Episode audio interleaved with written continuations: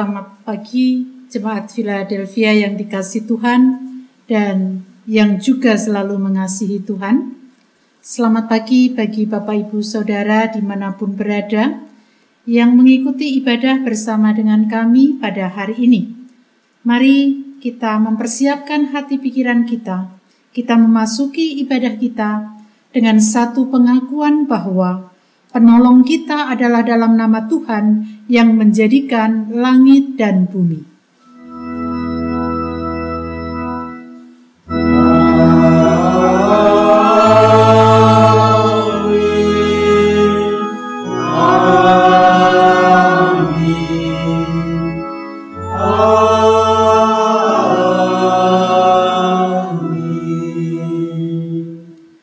kasih karunia dan damai sejahtera dari Allah Bapa kita dan dari Tuhan Yesus Kristus menyertai saudara sekalian. Dan menyertai saudara juga. Ibu, Bapak, Saudara-saudari, anak-anak yang dikasih Tuhan, sebagai nats pembimbing dalam ibadah saat ini, kita akan membaca Kolose pasal 3 ayat 17 dan segala sesuatu yang kamu lakukan dengan perkataan atau perbuatan, lakukanlah semuanya itu dalam nama Tuhan Yesus, sambil mengucap syukur oleh Dia kepada Allah Bapa kita. Mari dengan sukacita kita memuji memuliakan namanya melalui Kidung Jemaat 10 bait 1 dan 4 Pujilah Tuhan Sang Raja.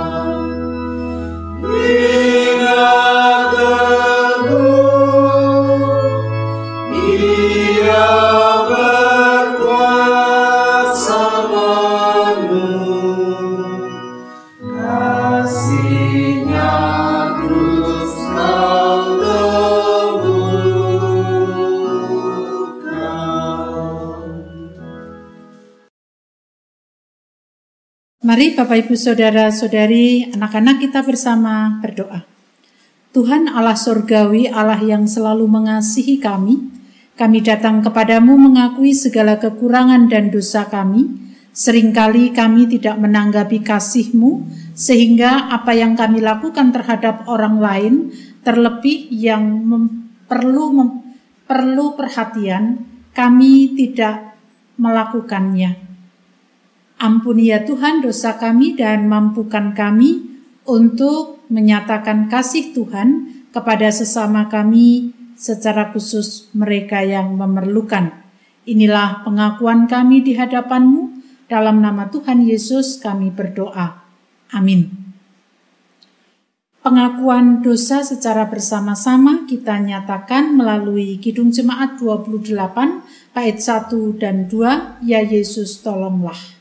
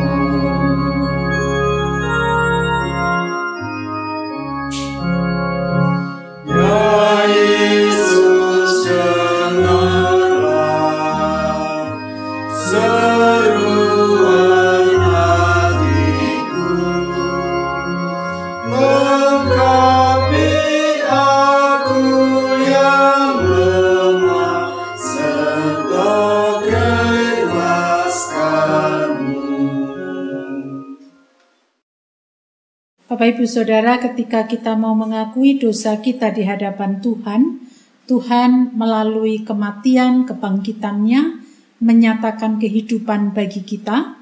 Oleh karena itu, Tuhan juga memanggil kita untuk selalu mengenal Dia. Filipi 3 ayat 10, yang ku kehendaki ialah mengenal Dia dan kuasa kebangkitannya dan persekutuan dalam penderitaannya, di mana aku menjadi serupa dengan dia dalam kematiannya. Demikianlah berita anugerah dari Tuhan.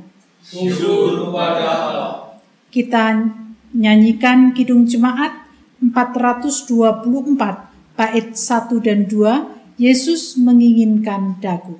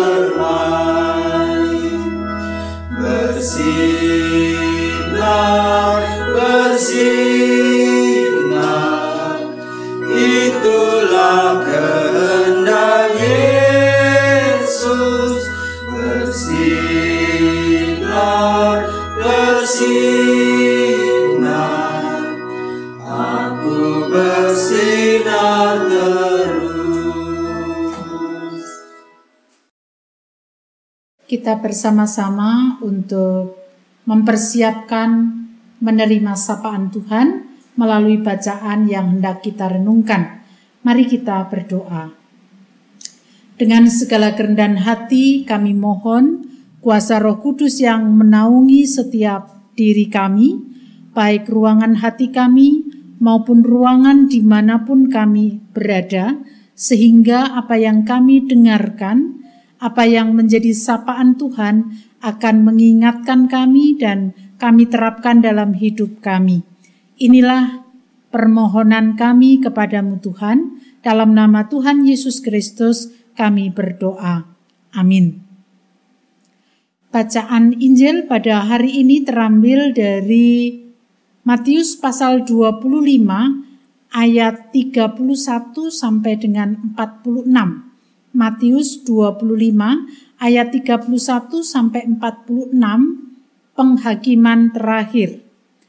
Apabila anak manusia datang dalam kemuliaannya dan semua malaikat bersama-sama dengan dia, maka ia akan bersemayam di atas tahta kemuliaannya. Lalu semua bangsa akan dikumpulkan di hadapannya dan ia akan memisahkan mereka seorang daripada seorang sama seperti gembala memisahkan domba dari kambing. Dan ia akan menempatkan domba-domba di sebelah kanannya dan kambing-kambing di sebelah kirinya dan raja itu akan berkata kepada mereka yang di sebelah kanannya, saya ulangi, dan raja itu akan berkata kepada mereka yang di sebelah kanannya, Mari, hai kamu yang diberkati oleh Bapakku, terimalah kerajaan yang telah disediakan bagimu sejak dunia dijadikan. Sebab ketika aku lapar, kamu memberi aku makan. Ketika aku haus, kamu memberi aku minum. Ketika aku seorang asing, kamu memberi aku tumpangan. Ketika aku telanjang, kamu memberi aku pakaian. Ketika aku sakit, kamu melawat aku. Ketika aku di dalam penjara, kamu mengunjungi aku. Maka orang-orang benar itu akan menjawab dia katanya, Tuhan, Bila manakah kami melihat engkau lapar dan kami memberi engkau makan, atau haus dan kami memberi engkau minum? Bila manakah kami melihat engkau sebagai orang asing dan kami memberi engkau tumpangan atau telanjang dan kami memberi engkau pakaian? Bila manakah kami melihat engkau sakit atau dalam penjara dan kami mengunjungi engkau? Dan raja itu akan menjawab mereka, Aku berkata kepadamu, sesungguhnya segala sesuatu yang kamu lakukan untuk salah seorang dari saudaraku yang paling hina ini, kamu telah melakukannya untuk aku. Dan ia akan berkata juga kepada mereka yang di sebelah kirinya, Enyahlah dari hadapanku, hai kamu orang-orang terkutuk Enyahlah ke dalam api yang kekal yang telah sedia untuk iblis dan malaikat-malaikatnya. Sebab ketika aku lapar, kamu tidak memberi aku makan. Ketika aku haus, kamu tidak memberi aku minum. Ketika aku orang as seorang asing, kamu tidak memberi aku tumpangan. Ketika aku telanjang, kamu tidak memberi aku pakaian. Ketika aku sakit dan dalam penjara, kamu tidak melawat aku. Lalu mereka pun akan menjawab dia katanya, Tuhan, bila manakah kami melihat engkau lapar atau haus, atau sebagai orang asing atau telanjang atau sakit, atau dalam penjara, dan kami tidak melayani engkau? Maka ia akan menjawab mereka, Aku berkata kepadamu, sesungguhnya segala sesuatu yang tidak kamu lakukan untuk salah seorang dari yang paling hina ini, kamu tidak melakukannya juga untuk aku. Dan mereka ini akan masuk ke tempat siksaan yang kekal, tetapi orang benar dalam hidup yang kekal. Demikian bacaan Alkitab kita, berbahagialah kita yang mau mendengarkan, merenungkan, bahkan melaksanakan dalam kehidupan sehari-hari. Haleluya!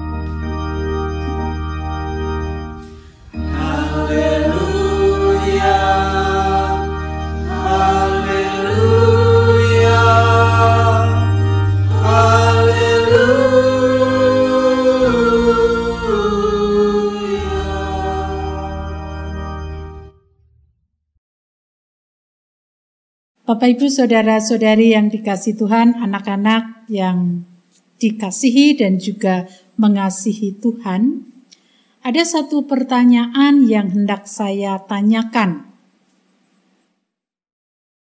apa sebenarnya kebutuhan hakiki manusia? Silahkan menjawab untuk dirinya masing-masing. Kalau kita mau jujur, sebenarnya kebutuhan hakiki manusia itu dipedulikan, disapa. Kalau orang Jawa mengatakan diuwongke. Terlebih ketika kita sedang berada dalam kondisi yang sangat sulit, ada penderitaan yang sedang kita hadapi, pasti kita membutuhkan disapa, dipedulikan oleh orang lain. Walaupun banyak uang, walaupun kaya, tetapi kadangkala orang merasa sendiri apalagi kalau kemudian tidak ada yang menyapa. Nah, Bapak Ibu Saudara-saudari yang dikasih Tuhan, kalau kita kembali kepada bacaan kita pada pagi hari ini, bacaan ini sebenarnya berada dalam sebuah konteks di mana orang-orang Yahudi pada waktu itu sedang mengalami ketertekanan oleh karena pemerintahan Romawi. Dalam kondisi yang seperti itu sebenarnya orang Yahudi mengharapkan ada seorang penolong yang segera mengentaskan mereka dari ketertekanan yang selama ini mereka rasakan. Dengan kata lain, orang Yahudi sedang mengharapkan Mesias yang akan menjadi penolong bagi mereka dan akan mengangkat beban-beban yang sedang mereka alami. Bapak Ibu saudara-saudari yang dikasih Tuhan, nah dalam konteks seperti itu, penulis Injil Matius melalui pengajaran yang disampaikan oleh Yesus pada waktu itu sebenarnya sedang menguatkan atau hendak menguatkan hendak mempedulikan orang-orang yang sedang mengalami kondisi tertekan, tidak berdaya oleh karena sesuatu yang kemudian menjadikan orang Yahudi menderita. Memang dalam bacaan kita diberi judul penghakiman terakhir dan memang pengajaran Yesus itu juga dikaitkan dengan penghakiman terakhir. Tetapi perlu dilihat juga melalui pengajaran tentang penghakiman terakhir ini.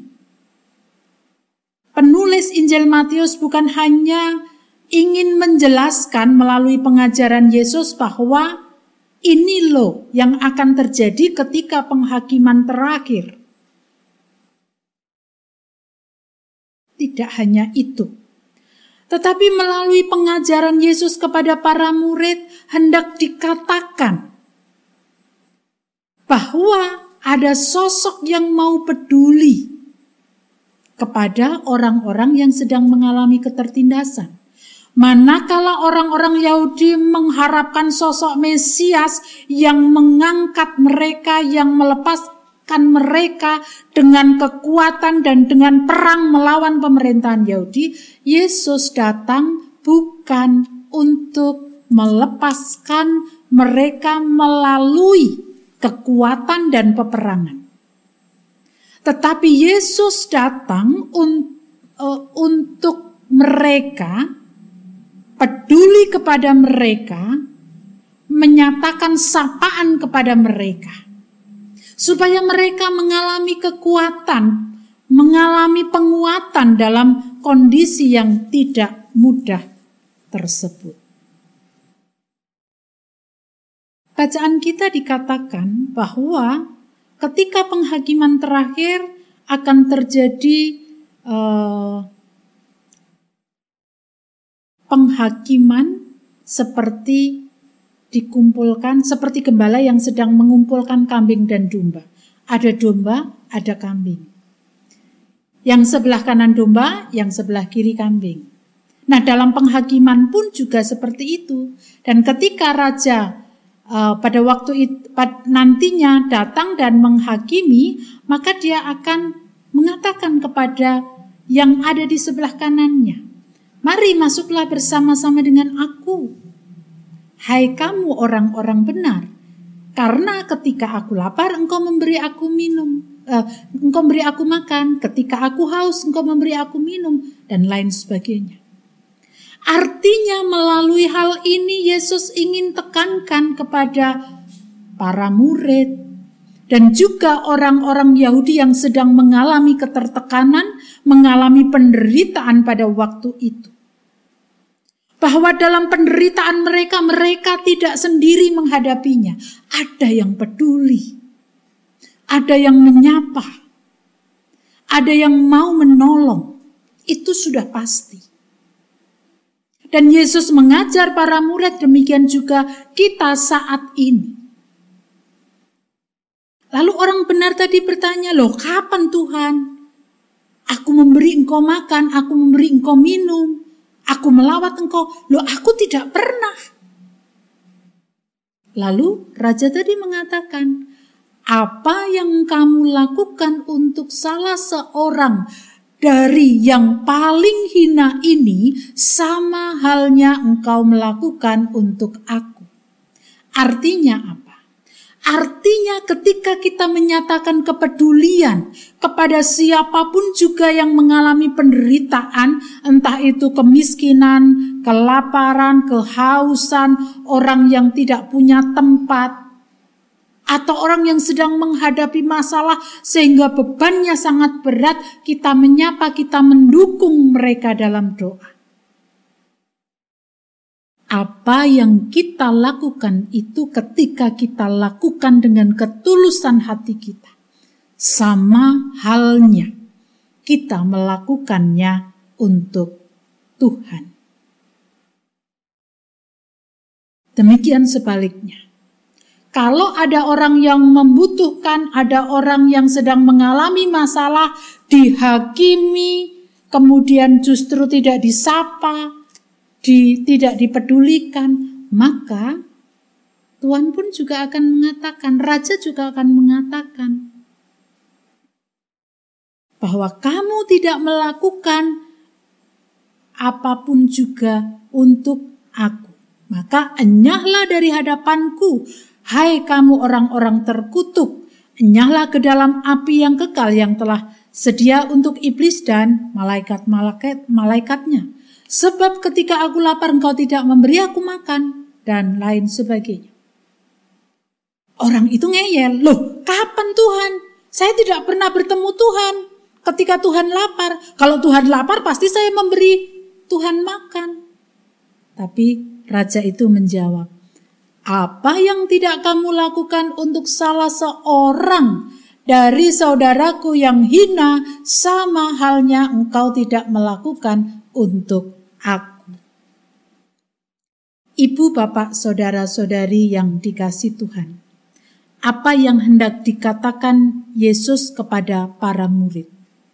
Sebenarnya bacaan ini masih ada kaitan dengan apa yang menjadi perenungan kita di minggu yang lalu di mana pada minggu yang lalu kita diajak untuk setia terhadap hal yang kecil. Kalau ke, hal yang kecil menyapa, peduli kepada orang yang ada di sekitar saja tidak bisa, bagaimana kita bisa melakukan sesuatu yang besar? Bagaimana kita akan masuk ke dalam kerajaannya kalau kita tidak pernah melakukan karya-karya dalam kehidupan kita? Jangan mengatakan saya mengasihi engkau Tuhan, tetapi saya tidak mau melakukan untuk orang lain. Tidak ada artinya Bapak Ibu Saudara. Kalau kita mengatakan bahwa saya mengasihi Tuhan, maka kasih kita kepada Tuhan, relasi yang baik kita kepada Tuhan harus terwujud dalam relasi kita dengan sesama, yakni menyatakan kepedulian kepada mereka yang membutuhkan. Dan itu harus kita lakukan dalam kerangka karena kita mengasihi Tuhan. Bapak Ibu Saudara-saudari yang dikasih Tuhan, sebentar lagi kita akan memasuki bulan Desember dan sebentar lagi kita akan bersama-sama untuk memperingati hari ulang tahun Jemaat Philadelphia yang ke-8, semoga tidak lupa, 12 12 20, jadi sudah 8 tahun, dulu 12 12 12, sekarang 12 12 20. Apa yang sudah kita kerjakan sebagai jemaat? Sudahkah kita peduli kepada orang yang membutuhkan? Sudahkah kita mau menyatakan kepedulian kepada mereka yang memerlukan dan membutuhkan? Atau kita melakukan itu hanya karena program? Kita melakukan itu karena ya memang ini karena mau Desember, ini mau karena ulang tahun sehingga ayo dilakukan. Padahal melakukan hal yang seperti itu harus selalu terus, terus, terus, dan terus. Mengapa? Karena kasih Allah pun terus mengalir dalam hidup kita. Nah, kalau dikaitkan dengan penghakiman terakhir, mau di mana posisi kita? Di kanan atau di kiri? Kalau kita ingin di kanan dan kemudian ingin bersama-sama dengan Tuhan dalam kerajaannya, ya mari kita peduli, kita memiliki kepedulian kepada orang yang menderita. Loh saya saja menderita kok, Bu. Gimana saya mau peduli kepada mereka? Itu namanya egois. Betul mungkin dalam hidup kita kita mengalami penderitaan, mengalami masalah, tetapi bukan berarti itu menjadi alasan bagi kita untuk tidak melakukan sesuatu kepada orang yang membutuhkan. Kenapa? Ya karena kita disapa Tuhan, karena kita juga dikuatkan oleh Tuhan ketika kita sudah mengalami hal itu, maka kita juga harus mau berbagi dengan mereka. Karena berbagi dengan mereka itu tidak selalu uang, tidak selalu barang. Berbagi sukacita, berbagi apa saja Asal itu kita lakukan untuk Tuhan. Jadi Bapak Ibu Saudara-saudari yang dikasih Tuhan, mari pada pagi hari ini kita kembali uh, melihat hidup kita baik sebagai pribadi maupun sebagai jemaat, jemaat Philadelphia. Satu pertanyaan yang harus menjadi perenungan bagi kita sampai selama-lamanya tetapi khususnya sampai dengan HUT ke-8. Sudahkah kita peduli terhadap penderitaan orang lain? Delapan tahun. Delapan tahun kita sudah mendapatkan banyak hal yang mungkin tidak pernah kita pikirkan sebelumnya. Apa ya kita akan seperti ini terus?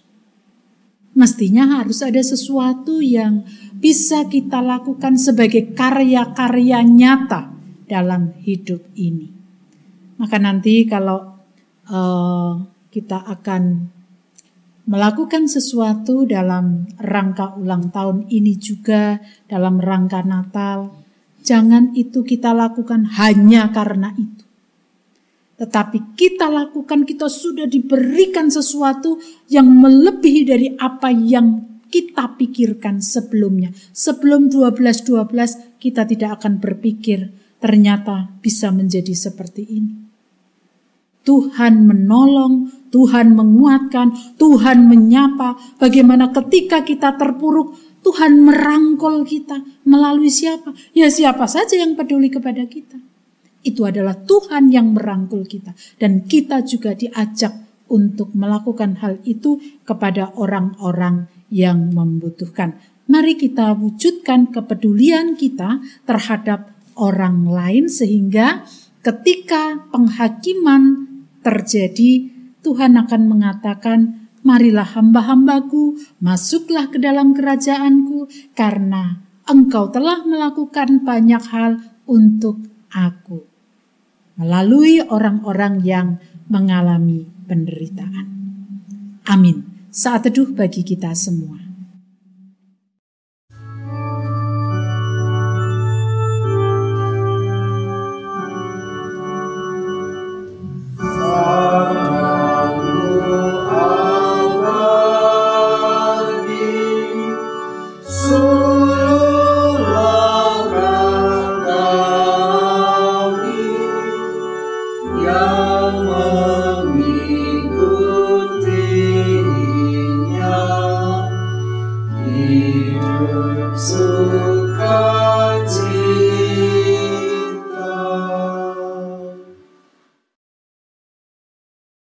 Bapak, Ibu, serta saudara-saudari, serta anak-anakku, Jemaat Philadelphia Yogyakarta yang dikasihi oleh Tuhan Yesus Kristus. Marilah, Bapak, Ibu, saudara-saudari, serta anak-anakku, saya ajak untuk bangkit berdiri. Sambil meletakkan tangan kanan di dada sebelah kiri, kita akan memperbarui iman kita melalui pengakuan iman rasuli.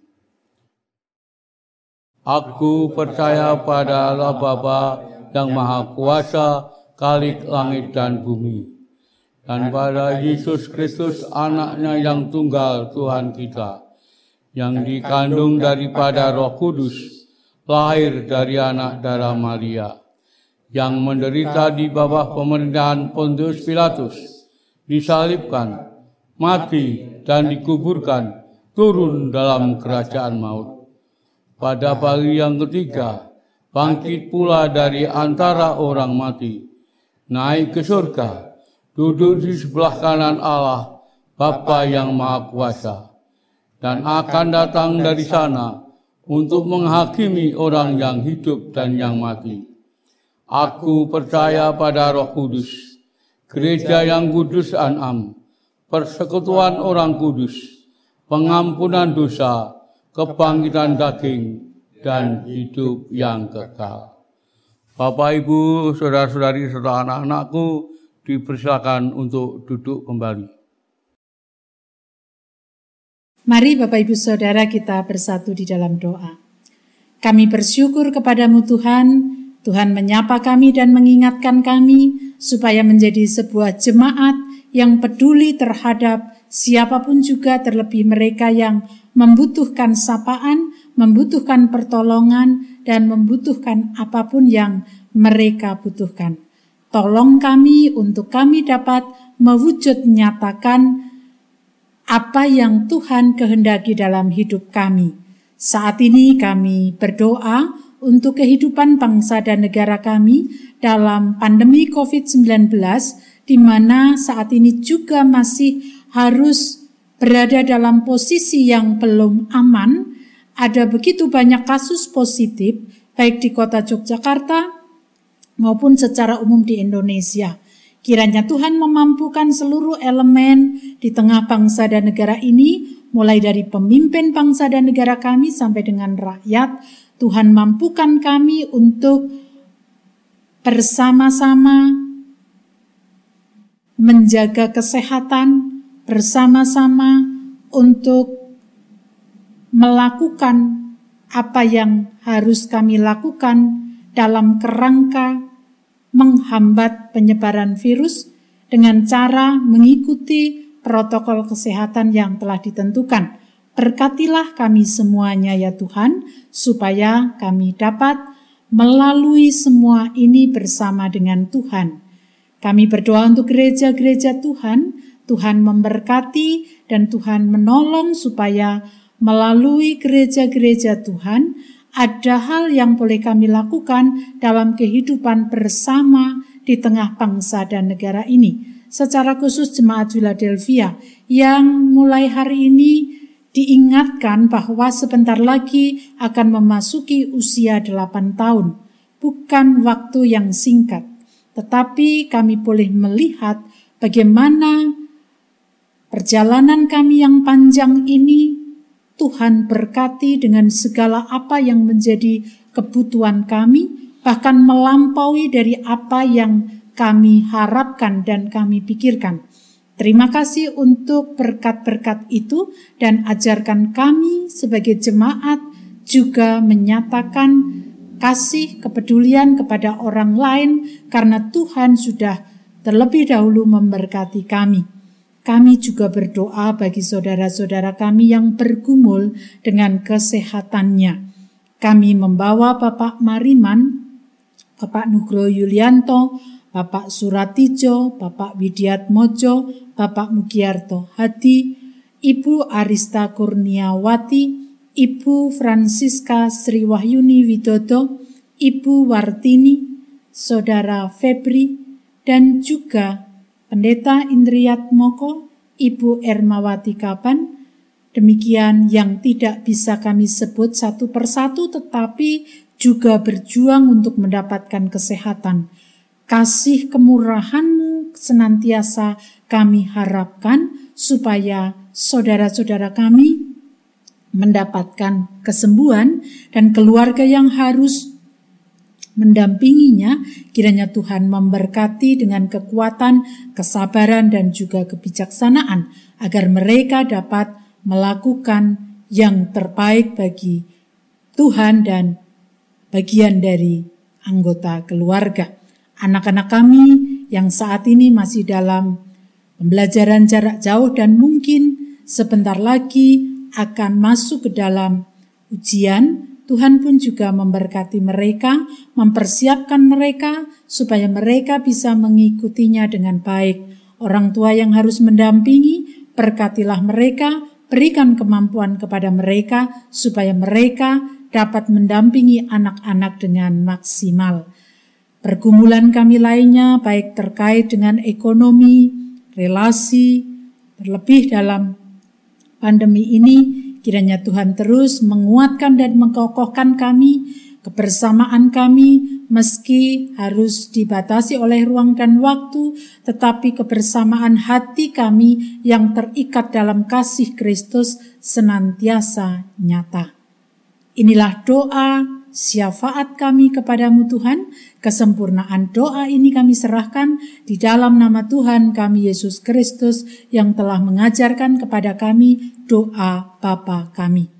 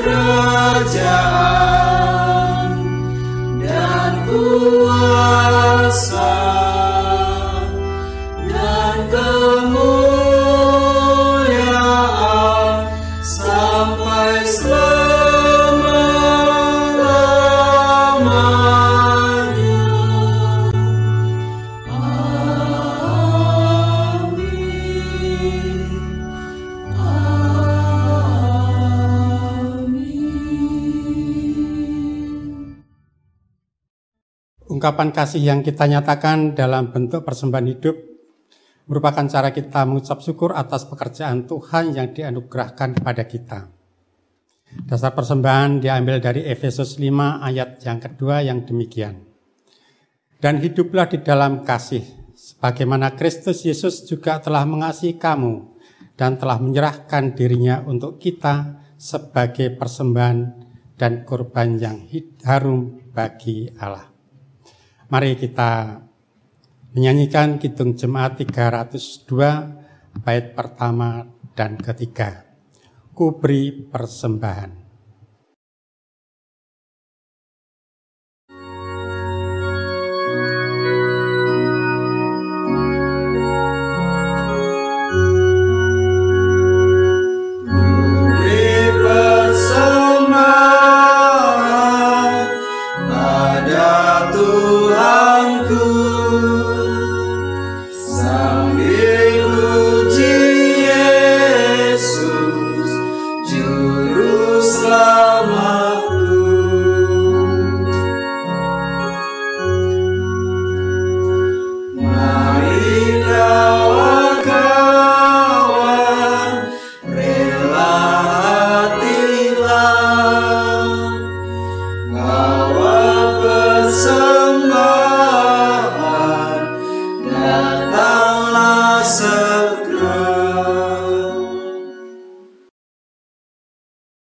Mari kita aturkan persembahan ini dalam doa.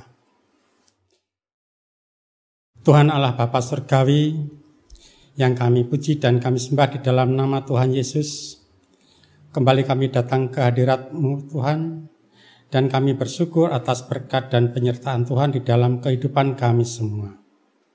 Sehingga kami masih Tuhan izinkan untuk beraktivitas memuji dan memuliakan nama Tuhan pada hari ini.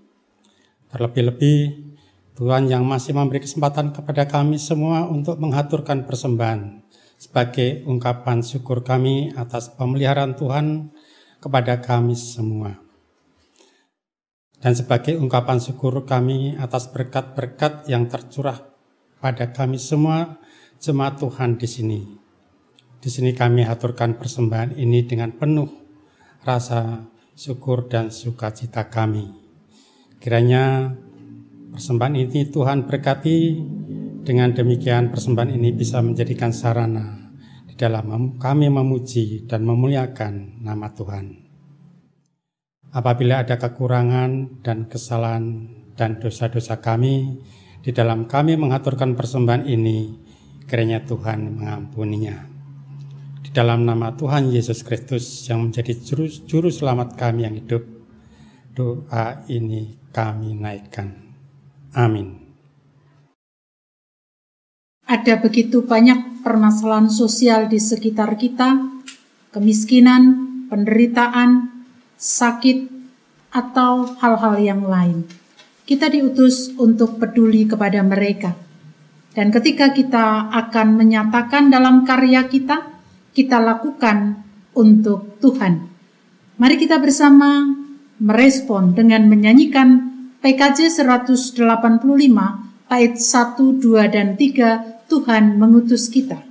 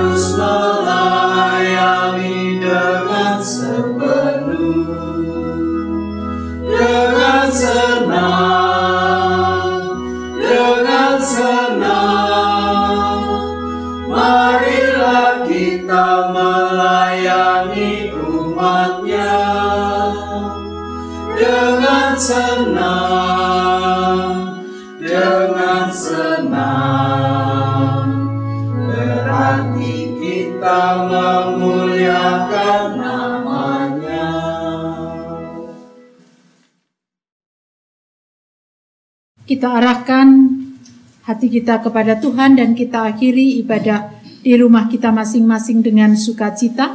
Kita akan terus berkarya dengan senang sebagaimana pujian yang sudah kita nyanyikan tadi dan kini terimalah berkatnya. Kasih karunia Tuhan Yesus Kristus dan kasih Allah Bapa serta persekutuan Roh Kudus menyertai saudara sekalian selama-lamanya.